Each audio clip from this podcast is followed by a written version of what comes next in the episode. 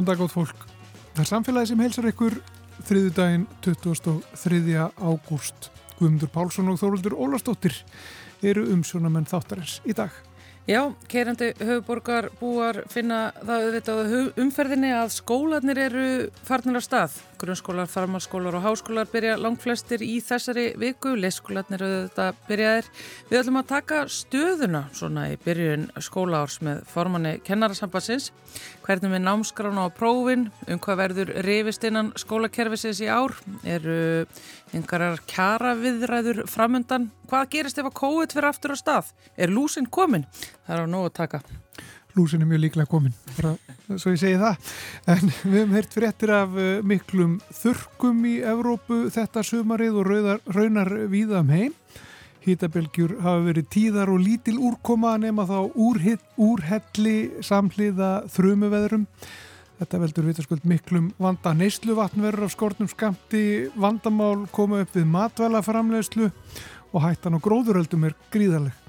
Og það talaðum að þurkaði nú stefni að vera þeir mestu í 500 ár. Elin Björk Jónastóttir veðurfræðingur ætlar að ræða þessi mál við okkur og líka aðeins um aðgerðir kínveskra yfirvalda sem vilja framkalla rykningu en þar hafa sumstæðar ymitt verið miklir þurkar undafarið forvitnilegt. Svo ruslarappið mætti aftur í þáttin, við tökum eitt slíkt í þætti dagsins og heyrum svo í lok þáttar í formanni Östurlandsteldar fjórusunum fjórir í eppaklúsins. En félagar í honum gerði sér ferð upp á kverkfjallasvæðið þar sem utanvega Akstur hafði nýverið orðið og skiljaði eftir sér djúb og mikil sár í þessu pallega landslægi. Þau tóku upp prífurnar, við heyrum á þessu.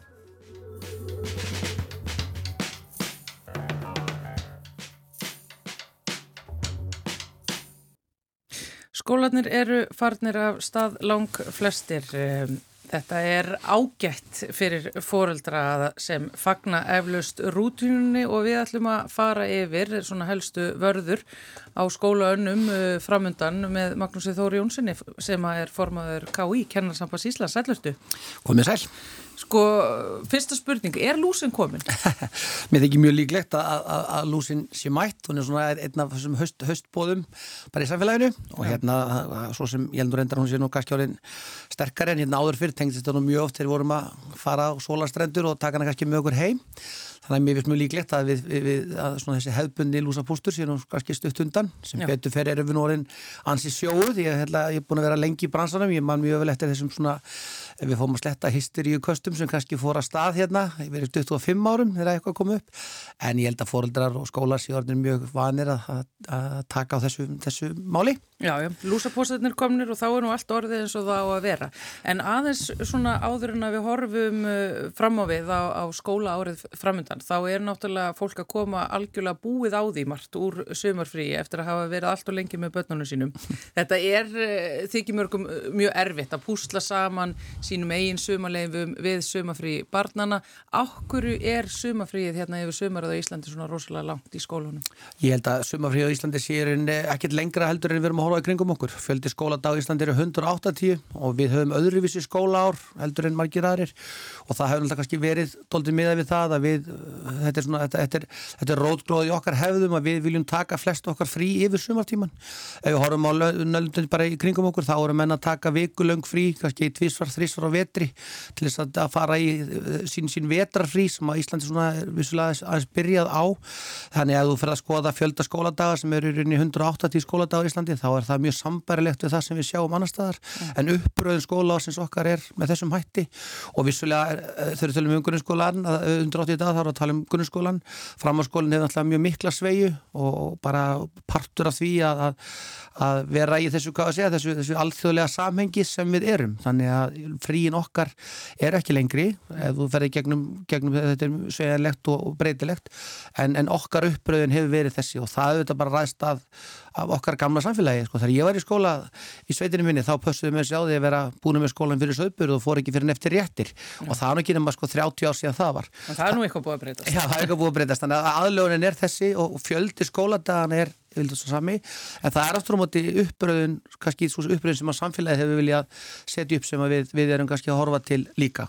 Þannig að þetta er ekkit lengra heldur en, heldur en annar, stað, heldur en annar staðar að meðaltali, en, en tíma uppröðunin er, er þessi í okkur. Já, þetta er náttúrulega eitthvað sem fóreldra kannast við, sumafríið og lengð þess kemur alltaf jáfn mikið og óvart og svo náttúrulega það að reyna að finna eitthvað fyrir börnin að gera. Já, já, en svo alveg að samhátti segja það að sumarfrí, langt sumarfrí er, er líka, eða langt sumarfrí, sumarfrí er auðvitað miðar að því að það sé ákveði frí og þú komir inn ferskur inn í verkefnið þitt mm -hmm. og það er auðvitað frekar við um börnin heldur en það fullornu að við séum að fá einn börn sem eru tilbúin þá því að hún verið lengin í skóla þá eh, þegar við erum komið fram í miðjan mæ, lók mæ, miðjan júni þá erum við auðvitað komin á þann staðin að við erum í alls konar uppbroti, við erum að færa okkur einhvern veginn til vegna þess að fríið, sumafríið miðar að því að þú komir inn tilbúin til að takast á við verkefnin mm -hmm. þannig, að, þannig að það eru þetta til þess eru þessi frís, hvort það eru okkur í vinnunni eða hvort það eru börnun okkar í skólanum og þau þurfa að vera að koma inn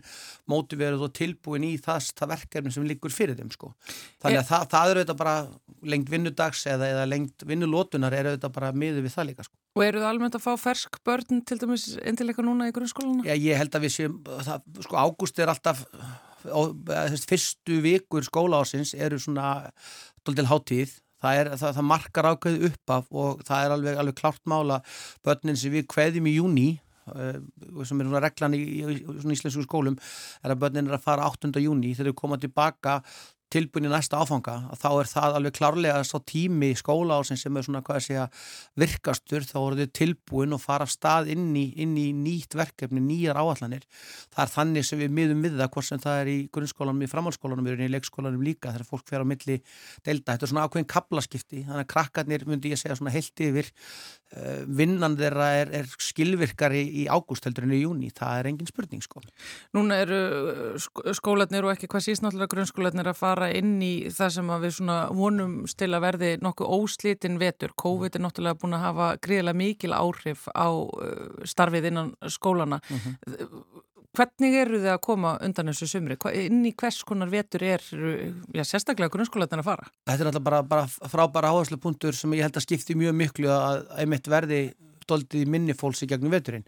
Við erum að horfa það, við erum að gera okkur vonur og það er fyrsta skipti þá í, í rauninni fjögur ár fáum við skóla ár sem verði kannski óskert og óheft. Það er þetta, COVID hitti mjög misjaflega. Mm -hmm. Við vitum um skóla þar sem við vorum kannski með tiltulega litla röskun í ákveðnum árgöngum og jafnvel heilum skólum yfir í það að börn voru kannski að missa, ég veit um bat sem misti næri 60 daga út af sóttkvíum eða veikindum hér í borginni fyrra og það er augljóst mála ef, ef að skólastarfa eða barn misti úr þriðjunga sínu námi saman hvort það var í öðrum bekk eða áttundabekk eða öðrum bekk í framhalskóla að þá getum við ekki gert á kröfu að við bara höldum áfram og keirum eins og vennilega. Samáðu þetta við um kennaran og starfsfólkskólana. Það var alveg þannig að árið í fyrra frá kannski oktober og út februar var náttúrulega algjörlega fordamalöst bara í skólasögunni. Það sem fólk var að missa úr vinnu, það var að missa hópana sína, það var að verða að spreita skipulagi stöðut og stanslöst því að krafan er auðvitað svo að við höldum áfram kerfin óbreytt, við, við höldum ekki börnum áfram í áttundaböknum eða nýri grunnskólanum eða útskóðu ekki sem stúdendar þannig að þessi krafa bara bjóð til mjög mikið álag og mjög mörgum stöðum. Og það held ég að skipti bara mjög miklu máli inn í það umhverfi sem við erum að hefja núna vonandi það að við, að við séum komin í gegnum þessa bylgu þannig að það kom ekki í fymta bylgjan og við förum aftur á stað að það þarf að gefa skólunum næði og bara uh, öllu tækja sem þau geta fengið til þess að vinna úr því að það er ákveðin hvað sé að mentunagap eða eitthvað námskap sem við þurfum að yfirvinna einhver staðar meðan að við getum kannski kert áfram uh, fastar á öðrum stöðum. Og þetta er auðvitað bara hefðbundið, hvað að segja, þegar við komum út úr ástandi, við höfum ekki upplifað þetta hérna núna en, en þegar maður les til dæmis erlendar greinar mm. þá hafa menn jafnvel verið að vísa í eh, svona viðbröð skóla eh, eftir, eftir stríðsárin þar sem að skólahald var auðvitað mjög laskað og auðvitað er menn ekki að tala um það sem, sem, sem stríðstæmi heldur hvernig viðbröð tekur þegar þú hefur verið gegnum langvarandi áföll þar sem að hefur verið að hafa áhrif á starfsfólkið þitt og mm -hmm. auka álag þar og sem, sem við vitum að þýðir það að það er erfiðar að vinna vinnuna sína og ekki síður að, að, að börn sem að ef við erum kannski doldið dramatíst, var kannski doldið mist rithmán úr skólanum sínum já, já. að það, veist, það að, að hafa mist þetta mikið úr þýðir það að það er alveg viðbúið að það verði ákveð ádag að fara aftur inn í umhverfi sem að tekur einmitt að þér 180 dagana og að þú sért að fara að vinna upp hluti sem að, sem að sannanlega þú þart að komast á Þannig að þetta verður, og það skiptir mjög miklu máli, finnst mér, að hvort sem það er ríkið eða sveitafölun sem eru yfir menn í leikkurinn og framhóðskóla, menn, menn gefir sér það næði átt að sig á því að, að þó við séum komin út úr ennþá þessum stærstu sköplum sem við ætlum að gera tvísar áður en fengum skapli í bakið. Ef við náum að fara inn í vetur sem heldur sér áfram þá er þetta viðbrags vetur rauninni líka við þessu ja ástandi sem var uppi sko. En er eh, ykkar félagsfólk að skila sér inn í skólanum og sér umræðu um það og svona foreldra spjallþráðum að kennara sé ekki að koma tilbaka, það sé kulnun, að fólk sé að hætta, minga fyrir sér starfslut mm. og þar fram til göttunum? Því, því miður er það það að við, við fáum þessa, þess, þessi skilabóð hafa svolítið verið að berast okkur munlega nýri kennarsamvöldi. Ja. Eh, það er algjörlega augljóst mála umræðum um leikskólamála, þar eru við komin ennþá frekar á þann staðin að, að, að samfélagi þarf aðeins að velta fyrir sér hvað, hvað, hvaða löst þau vilja sjá á því máli, að, þar, þar vantar náttúrulega hundruðu leikskólakennara inn í störfin og við höfum auðvitað ágjörða því að þar er svo stjætt okkar það sem kannski mest höfum vantað, það er jæfnvel þar líka sem við erum að heyra þessar fréttir staðfestar tölur er svolítið erfitt að átta sig á fyrir en að þessu mánuði loknum því að auðvitað er það þannig að við erum á öðruvísi, öðruvísi starfsamband í okkur heldur mörgum öðrum að fyrsti ágúst er svona ákveðin dagur og svo er menn, nota menn tíman í ágúst til þess að fylla upp í það stöður sem að mögulegur og lausar. Það var alveg skilt og klart sem við herðum í vor eh, á öllum skólastegum, mist mikið þó að það var óvinni mikið af stöðum lausum í júni. Þeim sem er svona fyrri dagurinn, þú þú reynir að vera búin að manna húsið þitt í júni þannig að þú getur byrjað með fullum afkvöstum hins vegar eru líka alveg dæmum það að, að við, að, svo hefur eitthvað svona gerst yfir sumartíman sem hefur þýtt að fólk hefur skilað sér í starfinni í skólana. En það, þannig að það, það verður kannski ekki fyrir núna þessi mánamót sem við sjáum hver staðan er, bæðið varandi ráningar og einsvarandi hlutfall mm. faglarðar að kennara. En við verum líka átt okkur á því að við erum bara á samkefnismarkaði við erum í samkeppnu um hæft fólk og gott fólk við, við greinar sem að hafa vissulega verið að sækja dölvert inn í kennarastjættir, ferðarmannaðinnaðurinn hefur vissulega sótt inn í kennarastjættina, það er bara, bara staðrænt sem það því fylgir, þannig að við, við erum alveg á þeim staðnum að, að þurfa að, að horfa til þess hvernig þetta gengur hjá okkur núna. Í ljósið sem þú ert að segja, það er alveg klart mál að það álag sem að skapaðist í ákveðnum skólum í COVID hefur skilið eftir sko, allavega tilfinningin er núna að það, það sé þannig að þar séum en ekki að ná öllum þeim tilbaka sem þið voru áska eftir og svo ertu líka ná samkjörnismarkaði sem er kannski að ná að bjóða betri kjör og starfsaðstæður heldur en, heldur en við erum að búa við og þá verðum við líka að horfa inn í það hvað, hvað, hvernig við ætlum að koma til móts við það því að krafan um gæðastarfi í skólum á að vera gegnum gangandi í íslensku samfélagi. Þá þurfum við að horfa á alla, alla endan á því. En þá lítum einmitt að spyrja, erum við að fara inn í e, skólavettur þar sem að, að kennarar er ekki mikill í kjarabaráttu? Ég er náttúrulega tilheri kynsluð Íslandika sem að spyr verða verkvöld? Sko ég held að við sem aldrei að horfa til þess að við ætlum okkur að fara í einhver verkvöld. Það er hins vegar alveg ljóstmál að við, við, við í kennarastéttinni horfum auðvitað bara nákvæmlega á þetta að hluti af því að við fáum það gæða starf út úr skólan sem viljum er það kjör og starfsaðstöðu fólks séu góð. Eh, við, það var náttúrulega eins og við kannski tókum eftir í fyrra þá náttúrulega var feldur kjærasamningur í grunnskólakennarafélagin okkar ja. sem var svo samþýttan eftir á. Og það var gerður stuttur samningur í öllum félagunum sem að allir okkar kjærasamningar renna út í mars hvort sem er við ríkið að sveitafélag því miður er það þannig að stjórnendafélagin í leik og grunnskóla hafa ekki ennþá fengið samning sem er frá fyrsta, rann út fyrsta janúar síðastliðin. Þannig að auðvitað horfum við til þess að við viljum bara, til dæmis að það veri bara klárað núna, ekkit í dag, eh, bara helst í gær, að það þarf að semja við okkur. Því að mikilvægi þess að skólastarf verði með, með, með öflugum hætti eftir þau áföll sem við gengið á og, og hástemdar yfirlýsingar um, um framlínu starfsfólk að menn standinu aðeins við orðinni því og það eru þetta algjörlega ljóstmála væntingar í öllum okkar aðaldafélagum er það að það verið tekið á þáttum sem að eru til gömu lofurðum til og með stöðu 16 þar sem við mönnum að rýna í, í stöðu kennara með við aðra sambarlega settur á vinnumarkaði. Það, þetta eru hluti sem eru 6 ára gamlu gömu lofurð og spilaðu þetta inn í það ástand sem við erum að tala um. Það, það, það er ekki bara þannig að, að okkar ágættu pólitíkus geti farið og benta á húsnæði eða, eða einhverja áallin sem þeir hafi í kollinum á sér eða er svo ekki tilbúinir að koma til móts við það sem, að, sem heldur kennurunum fólkdröfunum, góða fólkinu okkar inn í skólanum sem eru kjörður og starfsæðstæður og þá verður menn að vera tilbúinir í það að, að, að lappa ekki inn í slíkar viðræður með eitthvað fyrirfram ákveðið þess að mér hefur kannski fundist stundum vera hljóma aðeins úr, úr, úr svona stjórnmála stettinni að það sé búið að búa til einhvern ákveðin ramma og einhver ákveðina hluti sem að sé bara greift í stein. Þá er alveg augljóst mála að, að kennarar uh, er ekki tilbúinir að hlusta eftir því að það sé enn einu sinni það viðkvæði sem við fáum. Því að það er bara búið að vera lofvorðum það að menn, menn fari inn í ákveðna vinnu sem er núna orðin 6 ára gömul og það viljum við sjá bara gerast nú næstum mánuðum. Annars er þetta þannig að, að, að því mér er það þannig að, að svona harðar aðgerðir eins og, og vinnustöðanir eru þetta bara eitt af því sem er inn í falið í því að vera í kjara samvætti við Það er alltaf eitthvað sjóndeldarhingnum að þetta sé að fara svo hart. Samlingundur okkar renn út í mass og það hafa náttúrulega verið heit strengingar mjög oft frá okkar, yfir, okkar, okkar mót aðilum líka að samningur verði tilbúin áður en þeim, þeim gamla líkur. Það er líka í huga, huga okkar allra núna þannig að von mín er bara svo að við bara fljótlu upp úr áramótum þegar menn, menn, menn setist niður og fari í, í, í alvöru viðra um það sem hefur verið upp á borðum í langan tíma. Þá, ja. þá er við fulla trú á, á hlutunum.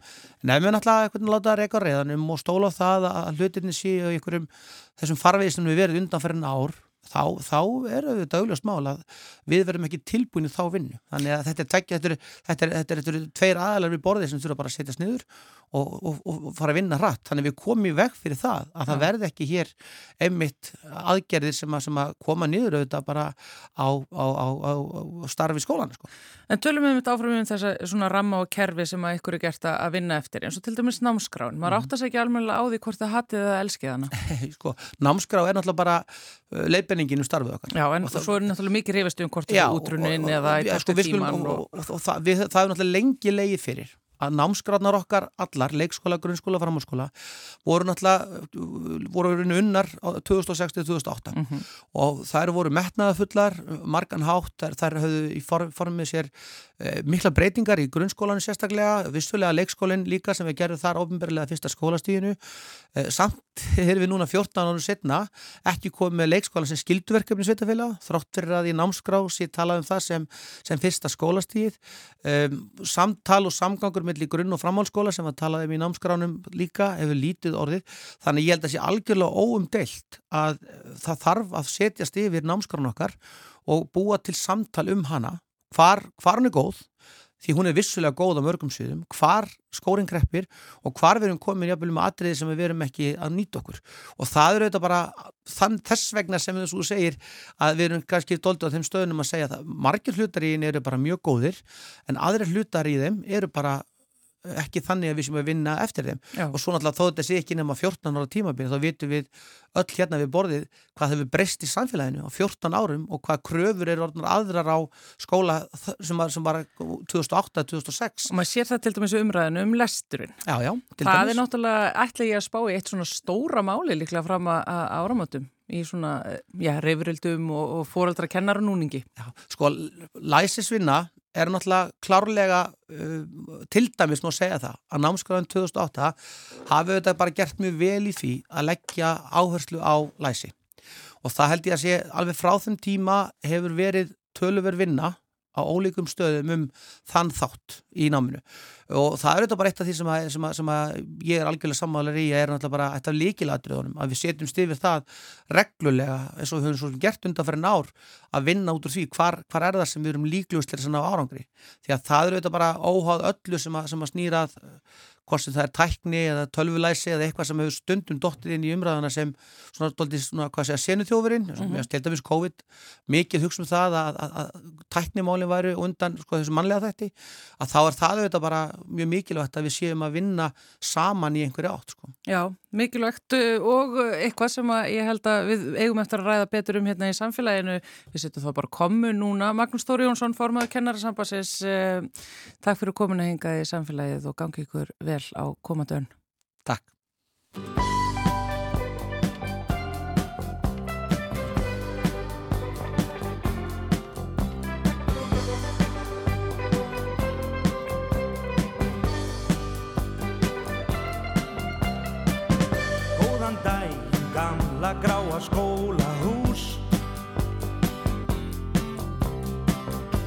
Alla veginn gekk ég reyndar aldrei fús.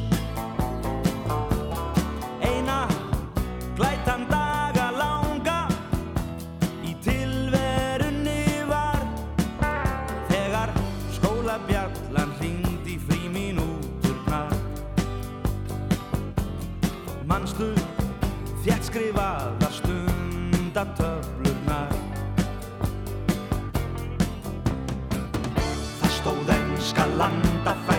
íslenska Danska, franska, leikfimmi og latína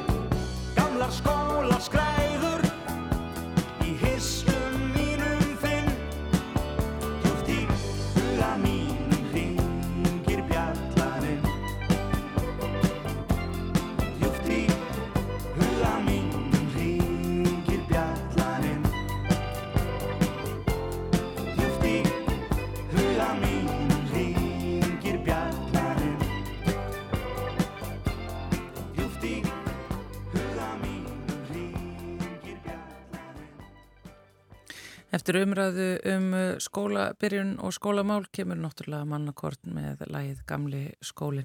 Já, hún er sest hjá okkur Elin Björk Jónasdóttir, veit ekki hvort hún er á gamla skólanum í veðfræðinni, er það? Jú, svona, ég held að það sé komið sumu nýr skóli leyti. síðan, sko, já, já, En velkomin til okkar. takk. Okkur langar að ræða við þig um þurka. Þessar miklu þurkar sem hafa verið núna í Evrópu og raunar víðar. Já, Það mjög eru víða. þurkar bara um allan heim. Já, Og uh, kýmverjar hafa brúðið á það ráð að reyna að framkalla rigningu mhm, með einhverjum efna, já, með einhverjum efnum sem Mhm. þeir skjóta með rakettum upp í heiminin. já, Förum kannski betur við þá eftir. En byrjum aðeins á, á þessum þurkum. Það er talað um mestu þurka í Evrópu í 500 ár. Það stefni í það. já, einmitt. Ég var að skoða áðan að það er hins takt að fylgjast með svona, uh, uh, hérna, korti sem sýnir bara hversu sagt, stór svæði Evropu eru hérna annarkort undir sko þurka svona viðvörun eða hafi líst yfir einhvers konar neðarafstandi vegna þurka. 17% hafa líst yfir neðarafstandi vegna þurka eða þú veist 17% svæðis í Evropu er undir neðarafstandi vegna þurka Já. og 47% eru undir sko viðvörun, það þurka viðvörun og 47%. Þannig eru 60 og, og hvað, 4% landsvæðis í Evrópu er ímist undir viðvörun eða neyðarastandi vegna þurka. Er Já. þetta ekki bara eitthvað algengt á þessum tíma árs eða er þetta, Nei, þetta ekki eru nýjar tölur? Já, Herri tölur vennilega. já, þetta eru hæri tölur. Þetta kemur auðvitað sko bara beint af þessum hitabilgjum sem hafa geisað í sumar. Það er eiga, eiga hlut af þessu og sko við erum alveg vun að sjá þurka í uh, Austur-Evrópu, Suður-Evrópu, svona þar sem að er uh, lítið um, um gróður og, og hérna og almennt sko hiti fari kannski við 40 gráður. En ég meina sko meiri hluti Bretland segja er undir þurka hérna, viðvörun og, og Írlands líka og þetta tegið sér til, til Skandinavíu. Það var þetta 2018 og eru gríðarlega gróður eldar í, í Svíþjóð vegna, vegna þurka og, og, hérna, og það er svona, já, þetta er ofbáslega vitægt, þetta er miklu starra svæði heldur en við erum vunni að sjá allt í einu, þetta hefur svona kannski hrefst meira í gegnum sumarið Já. áður. Við höfum séð fréttum sko myndir af af eh, sko þar sem að hafa verið settar merkingar eh, veist hvað er að tala um Sultarsteinarnir. Akkurat, Já, við, við ár, sko, hvað segja, yfirborð háa Já, í Európu sem að lækkar það mikið og það er bara viðvörun. já, Ef þú sér þessa merkingu þá er voðin ís. já. Við erum farin að sjá þessa merkingar. Það er eða hérna í rín eru þessi sultasteinar og þeir eru raun að veru benda til þess að, að verðir áinn svo lág og þá verði uppskýrubrestur og, og hungursneiði kjálfarið. Það eru svona, ég held að þetta sé einhverju svona 500 ár þar sem talað um að, að það hafi, rín hafi ekki orðið lægri, minnum mig. Um, svo er nú á í Fraklandi þar sem eru sko til 2000 ára skriflegar heimildir alveg allt frá Róma tímanum og hún hefur aldrei orðið svona lág sko. Nei. Og, og sagfræðingar segja bara ef að án hefði orðið svona lág þá hefði Rómverjar talað um þetta. Mhm. Þú veist, frakkar á miðöldum hefðu skrifað um þetta. Frakkar á síðmiðöldum hefðu skrifað um ef að á en þannig að þau eru alveg vissum að svona með annað sem kemur fram í þessum annálum þeirra að þá, þá hafði þetta aldrei verið svona slæmt í 2000 ár.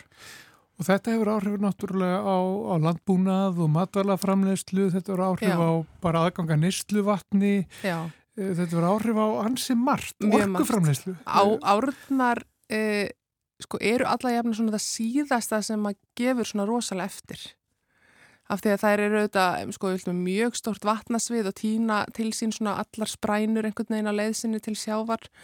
Uh, þannig að, að maður getur bara ímynda sér að, að það sé alveg gríðarleir þurkar alls þar á til dæmis rektuðum svæðum á þessum á þessum stöðum, Rín til dæmis auðvitað mikið vínrækta hér að þá Mósel og þetta er hérna í Suður Fraklandi líka þetta mikið, mikið hérna uh, skortu, eða sem sagt já uppskrifbrestur yfirvóndi og sinneps skorturinn, hann gæti nú lengst eitthvað greinilega Mhm. með þetta þessar uppskrifur, þessi uppskrif er búin að vera erfið og svo skilst mér að sko eitt af því sem er líka sko leggst af eru fluttningar um ár átnar eru notaðar sem sko fluttningsleiðir á það eru milli- grunnar. já, það eru á grunnar þannig að pramandir komast ekki gegn sko Og víða er bara byggð, sko ástæðan fyrir að það er byggð á okkur stöðum er einmitt þessar ár. Já, já, algjörlega.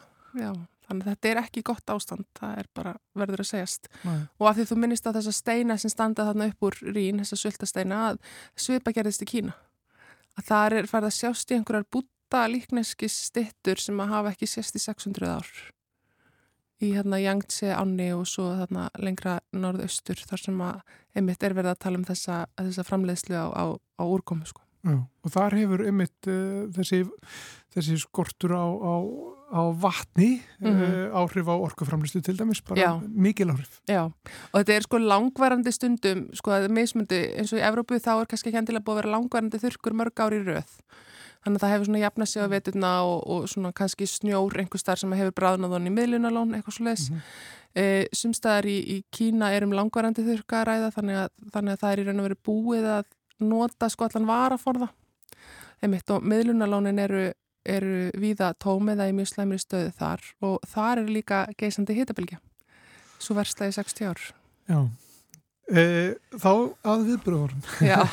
Sko, það sem að, það er náttúrulega brúðist við með þeim hætti að spara vatn. Mm Við erum ekki að sóa vatni, það er alltaf fyrsta skrefið, bara ekki þó bílana ekkar og, Já, og, já, og, já, hérna, og það allt saman og, og sturtið niður bara, þú veist, bara ekki, ekki eftir hvert skipti sem fara á klósettið og svo framvegis, það eru svona tilmæli. Já, þetta er auðvitað bara en auðlind sem er orðið mjög takmörkuð, sko. Já, um, hversu langt er þetta ganga í því og hversu langt er gengið í því?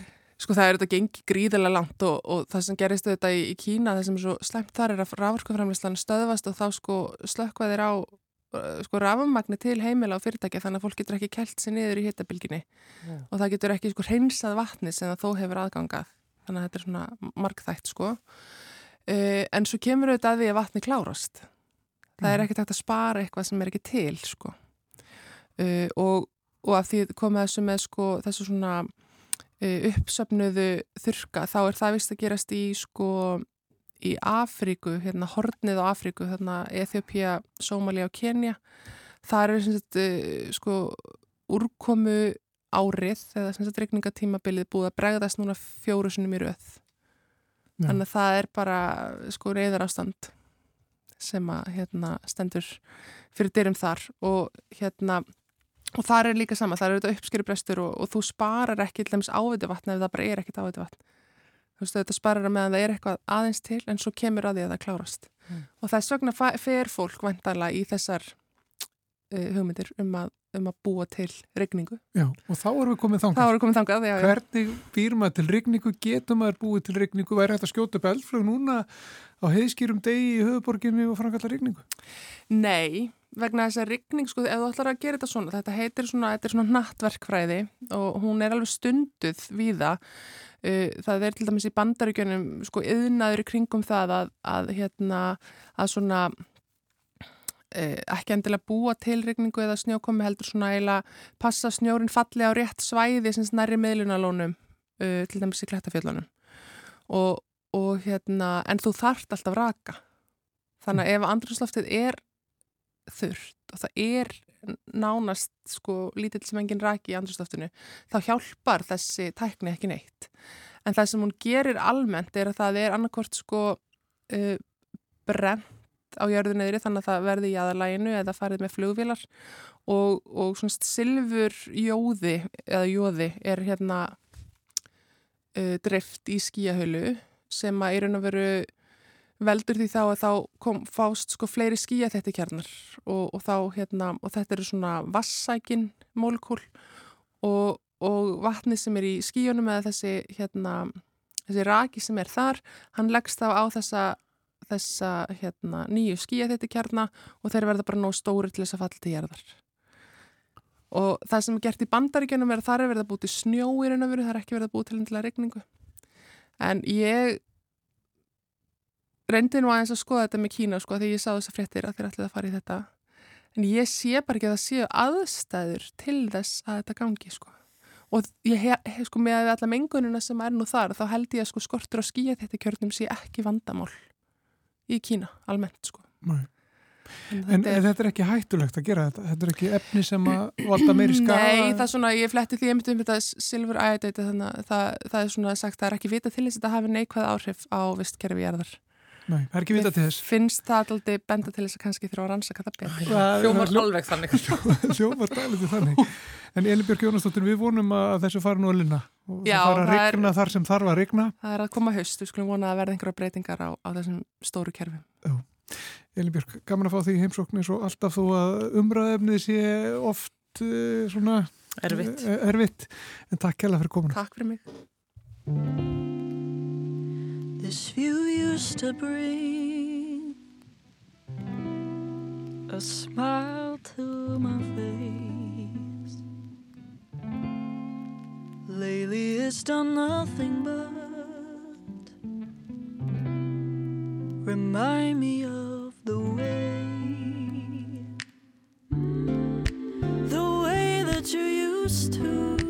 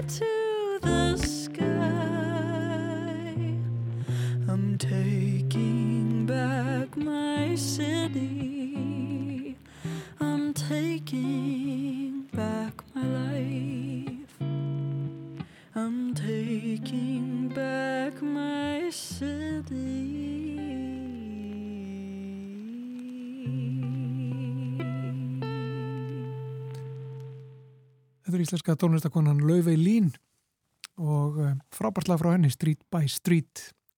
En þá er komið að förstum lið hér í samfélaginu sem á stað síðasta veturnut mikilla vinsalda. Eh, Það er Ruslarappið og eh, við hvetjum áfram eh, hlustötu til þess að senda inn til okkar fyrirspurnir sem við getum tekið fyrir í Ruslarappinu á samfélagið at ruvaf.is.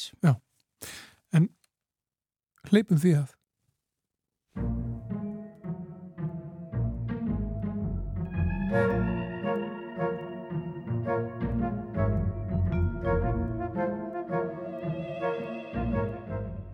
Ruslarappið með Eiriki Erni Þorstensinni, sérfræðingi í fræðslu og miðljón hjá Sörpu. Við ætlum að taka fyrir fyrirspurt frá hlustenda sem var að velta fyrir sér hvernig hann eigi að flokka Já, hvernig hefur við að útskýra þetta? Sem sagt, litlu festingarnar sem eru gerðnan á brauðpókum uh, til þess að halda pókanum lokuðum. Eirikur, hvað heitir þetta? Ég, ég er ekki með betri lýsing á þessu, á þessu en, en, en þú, þannig að hérna En við Von- þekkjum þetta eiginlega öll, er Já, það já, Þetta er svona, sagt, það er hægt að byggla þetta svona saman og, og dagsetningin er ofta á þessu. alveg rétt, Já. alveg rétt. Ég, og þetta er þetta er, þetta er einhver svona málmvýr þarna inn í þessu og, og hérna, svo er þetta bara plast utan á. Eh, Þannig að eðlilega er fólk að velta því fyrir sig hvort þetta fari með plasti eða, eða málmi eða bara í almennt sorp. Eh, ég myndi nú setja þetta með almenna sorpin út af því að eh, mótukvæðalega eiga erfitt með að aðskilja málminn þarna frá og, og þá myndi þetta eflust bara þvælast fyrir efni sem er þá hægt að endurvinna. Og er þetta þá brent en hérna uh, já, í almenna sorpi með þetta. Já. En ég fagna því að hlustendur séu að velta alveg litlu hlutunum fyrir sér.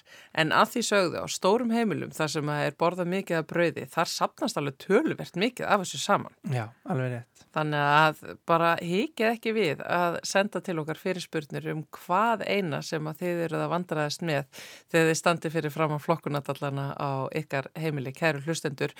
En allavega þetta, brauðpoka festingarnar í almenna. Takk hérlega fyrir þetta, Eiríkur. Takk fyrir mig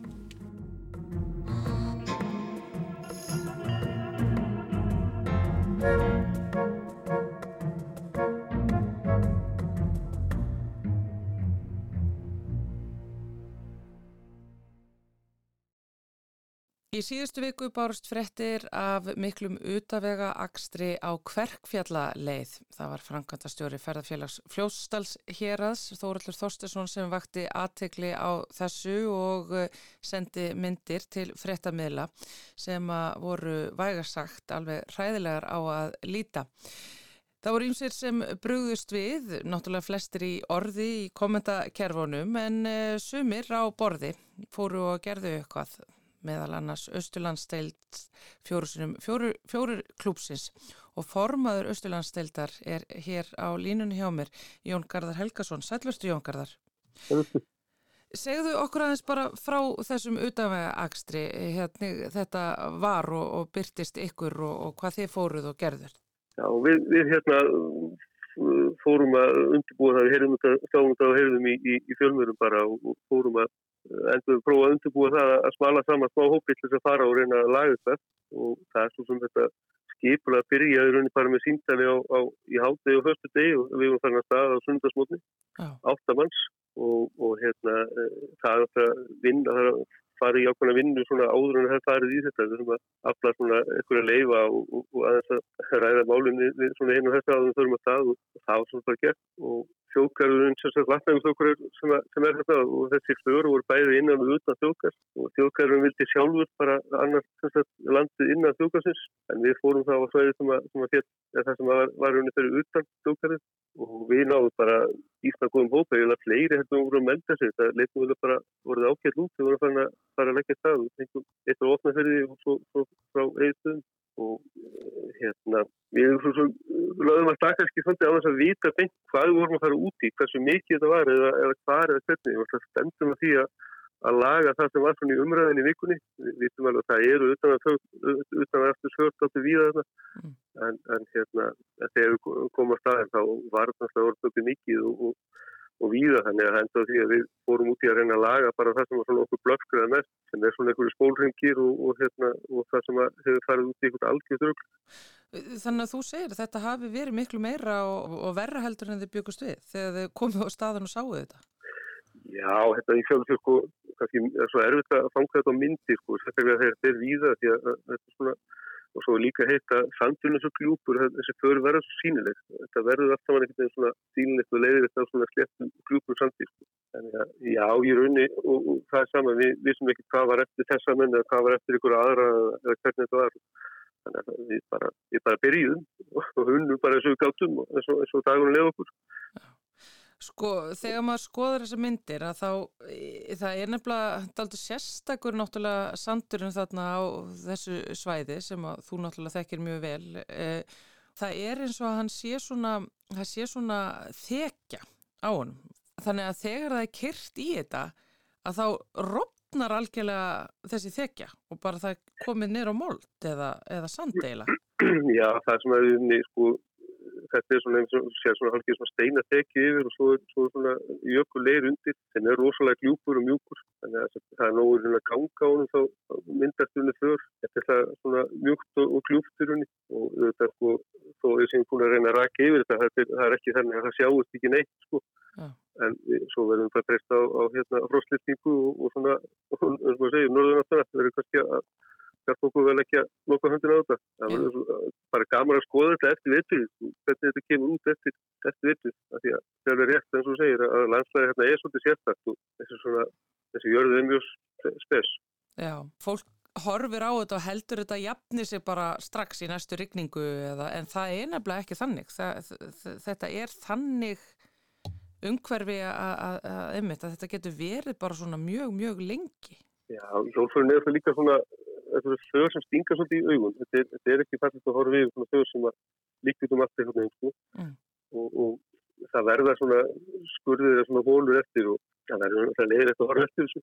En, en hvenar það fer nákvæmlega, ég, ég á alls ekki svar við því, sko, en ég er þetta að jafnar þetta segja á, á lengri tíma. En svo getum við kannski líka haldið að sko nýju utanverðastu svör fetið eftir til fleiri. Já, Þannig að það er, það er mikið fengið með því að fara og reyna að laga og gera þetta fínt sem fyrst. Og, ég held að við, það sem við gerum er rauninni kannski eina sem það gerir er það að við flýtum bara þessu, þessu ferli. Þetta, þetta, þetta jafnar sér kannski á einhverjum árum en, en við erum bara flýtaði til það ég þetta hér minni. þið lægið þetta sem sagt ekki alveg, veist, þetta mun sjást uh, alveg sama þó að þið hafi farið þarna um með hrífurnar og reynda að laga þetta. Þetta mun alltaf sjást í einhver ár. Einhver tíma kemur þetta til að sjást áfram bara það sem við vorum að klóra en, en eins og ég bara, ég á ekki svar við því sko, hversu lengi. Ég, ég, ég, og ég hef svolítið forröðin að sjá hvernig, hvernig þetta kemur til með að verða næstu árin. Sko. Hvað eiginlega er þetta fólk sem að stóð fyrir þessu að- að að gera? Veist, var það að beigja út af veginum, út af pollumánum eða var það bara að leika sér?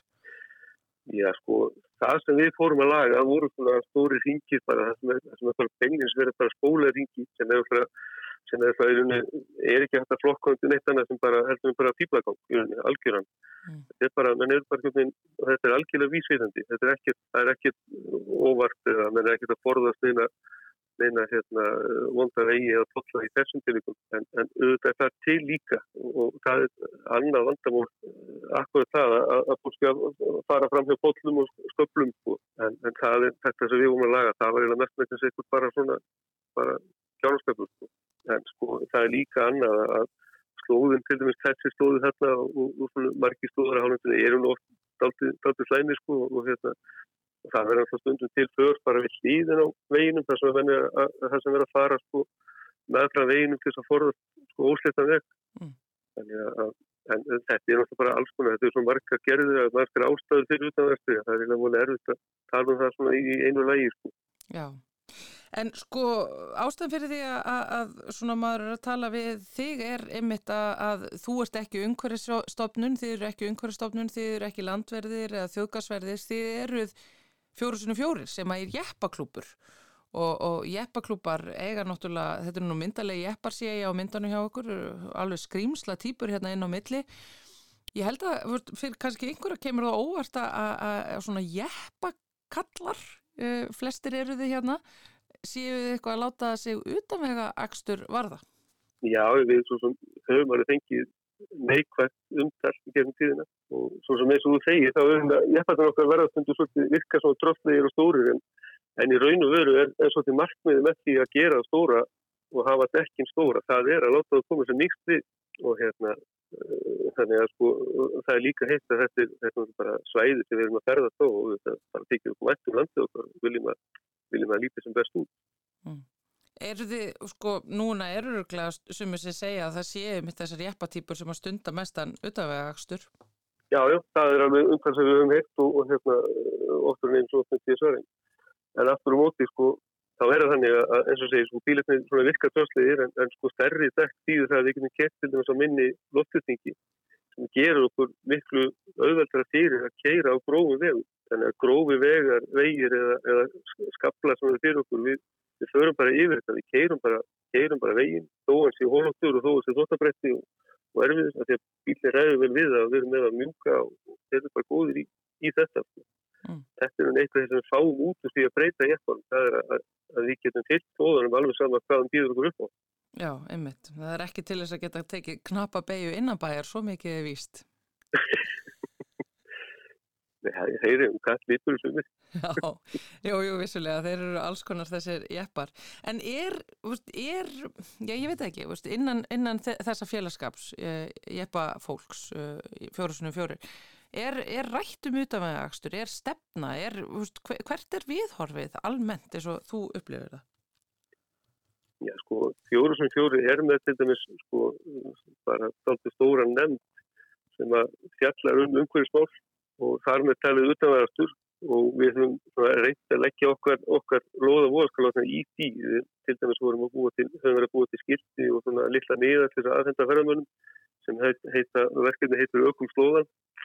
Það fjallar akkur um þetta að, að við viljum að fólk keiri eftir slóðan, keiri eftir veginum og ef það er pollur á hann þá keirum við yfir hann og ef það er þóttabrætti að förum þá ekki, ekki til hlýðar við veginn að reyna, reyna svolítið að halda okkur við að koma svona jákvæðum skilabóðum hvað við eigum að gera Mhm. og, og fara yfir stókskaplinn og, og, og hérna úr svo framins þannig að við fjórum sem fjórum vinnum mikið af, af þessum málum og, og það er eitthvað eins og ég sagði á þann að, að, að það að laga för eftir utanverðastur það sko er eftir þetta utanverðastur hvetur um mörguleiti til aðeins í stundaðu annar stað þannig að það að lagan er í svolítið mjög góðu náttúruvenn Já, já. Og þetta er náttúrulega eitthvað sem að Íslands jeppafólk getur náttúrulega eh, gengið undan með góðu fordæmi eins og þú lýsir. Þegar eigi þess að jeppa til þess að þetta geta farið þessa vegi án þess að, skemma mikið undirlægið, það er náttúrulega tilgangur með þeim. Og, og, og þá sé, sér maður nefnir þess að svona trillitækja jeppa sem að koma hinga til landsins með norrænu og eru með drullutjaki aftan á sem er nú yfirlt aldrei notaður í frábærum tilgangi.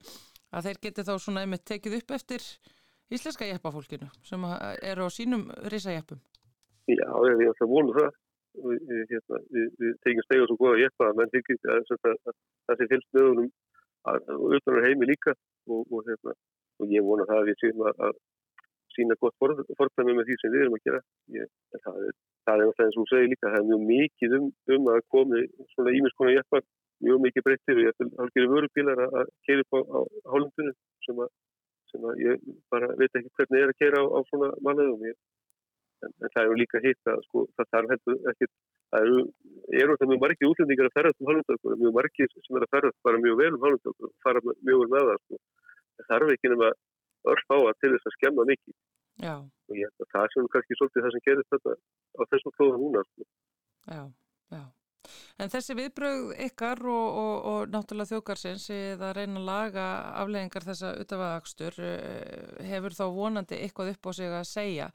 Þetta er náttúrulega sko þó að, að ástæða ferðarinnar hafi verið leiðileg og ekki komið til að góðu að þá eru þau náttúrulega stórkoslegu umhverfið þarna. Þetta er náttúrulega ykkur þykju væntu þetta svæði, þetta hverkveðalla svæði og það er algjörlega einstakt og það, það vilst nú hafa verið bara aldrei glatt að hjalla þarna hjá ykkur með hrífunar.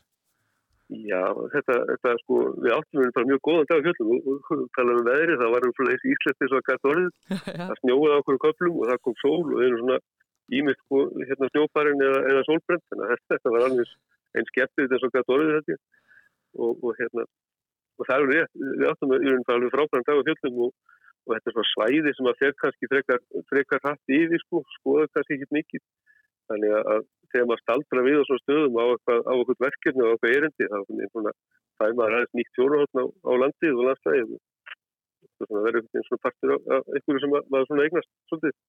Þannig að já, já, við áttum þetta mjög góðan dag og skemmtilegu dag, mikið af góðu hólki já. Og er þetta eitthvað, ég sé að þetta er alveg eitthvað sem þeir eru strax að tala um að- að gera bara reglulega hvort sem að úst, tilefnið er nýlegt eða hérna eða ekki, það er svo sem að nógu að taka því miður í utanvega akstri og, og, og viðgerum á, á slíku fyrirbæri þarna á eitthvað svæði. Já, þessi hugmynd kom upp í, í ferðinu að gera þetta sem svona, svona dagsgreppu hérna, jafnvel árlega eða, eða svona merkilega mynditilu. Ég, ég það bara, ég er unni að mörguleiti góð hugmynd að fara því að það er eins og segir, það er að nú að taka þetta sjálfsveit. Það var líka auðvitað að hægt að taka svona einhver, einhver svona, uh, kannski drengju svæði Mm. og lappa þessu upp að það, gera það þýtti. En, en 2004 hefur henni líka gert annað. Við höfum svolítið verið að, að, því að, að fara á stika leiðis það sem að, að því að eitt af því sem gerir stundum er það að, að sérstaklega svona fáfæknar leiðum að fólk villist út af þeim eitthvað sem við kvöldum svona villuslóðar Já, þá hefur fjóru svona fjóru gert svolítið að því að stika það leiðis en það er alltaf mann hefur þetta einn og saman tilganginu í rauninni að, að reyna að halda fólki á, á, á, á réttu leið. Já.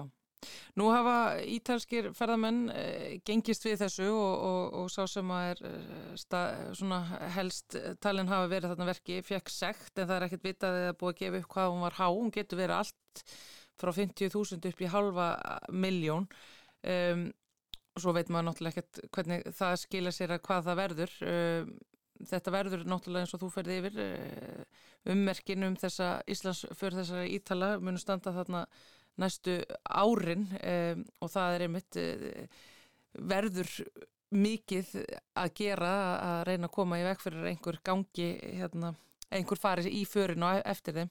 Þannig að þetta er segi, þetta, það, það, er, þetta er, það er frábært að vera með einnað og þessi frekari ferðarlög og um að gera allir njóti ís, náttúru Íslands heimafólk og, og ferðarfólk en þetta er nefnilega, þetta er svona hinliðin á þessu. Þetta er, þetta er vand með að farið. Þetta er vandafæri og ég eiginlega skilur ekki heldur alveg sko sérstaklega með erlendu ferðarmennina ef, ef, hérna, ef þetta þeir í, í mörgum tilvíkum, að maður svona trúi því að þeir komið til landsveit til að skoða fallið landsland sko þá skil maður ekki af hverju, af hverju þeir hafa áhuga fyrir að skemma það. Ég, í mínum huga þá er þetta svolítið eins og fara á, á myndlistarsýningu með gúluperna og fara í, í málverkin. Ég, maður skilur þetta ekki alveg. Já, og síðan líka einmitt upp á það að þegar uh, ykkar drottning uh, herðubreið sem að uh, náttúrulega gnæfir yfir allt þarna svæðinu þegar hún hérna sýnir sig og er náttúrulega vinsalt myndefni að þá eiðilegja þessi utanvegaför alveg rosalega mikið ramman á myndinni. Gerir þá og eðlugur líka upplýðurinn að við að keira eftir slóðum. Og, og maður sér þetta kannski best sko það sem eru engvir slóðar utan við sko, það, það er unni óskjöflega mikið fallega þetta er, þetta er mjög kvelmest vandamál sko. það er alveg ótt að segja það Ég vona bara að þið, ég heyri að þið eru allan að spenta að fylgjast áfram með því hvernig þetta gengur fyrir sig og hvernig þetta grær þarna í landslæginu, landslægi sem að þið þekki vel og, og fari mikið til og, og, og greinlega þykir afskaplega væntum og það var gaman að heyra af uh, þessu uppáttæki ykkar hjá uh, Östurlandsteild fjórusunum fjóruklúpsins og ég beigð bara fyrir bestu kvæðir til ykkar. Jón Garðar Helgason, formaður. Já, takk ég fyrir okkur. Jóngarðar, þakka kærlega fyrir og við þakkum kærlega fyrir okkur sem leiði sér í samfélaginu þennan daginn vegna þess að við komumst ekki lengra. Nei, ekki bíli en uh, við ætlum lengra hins vegar á morgun, miklu lengra. Alltaf lengra. Alltaf lengra, samfélagið uh, aftur á dagskrá klukkan 13 á morgun. Guðmundur Pálsson og Þórildur Ólustóttir segja blest ánga til. Verið sæl.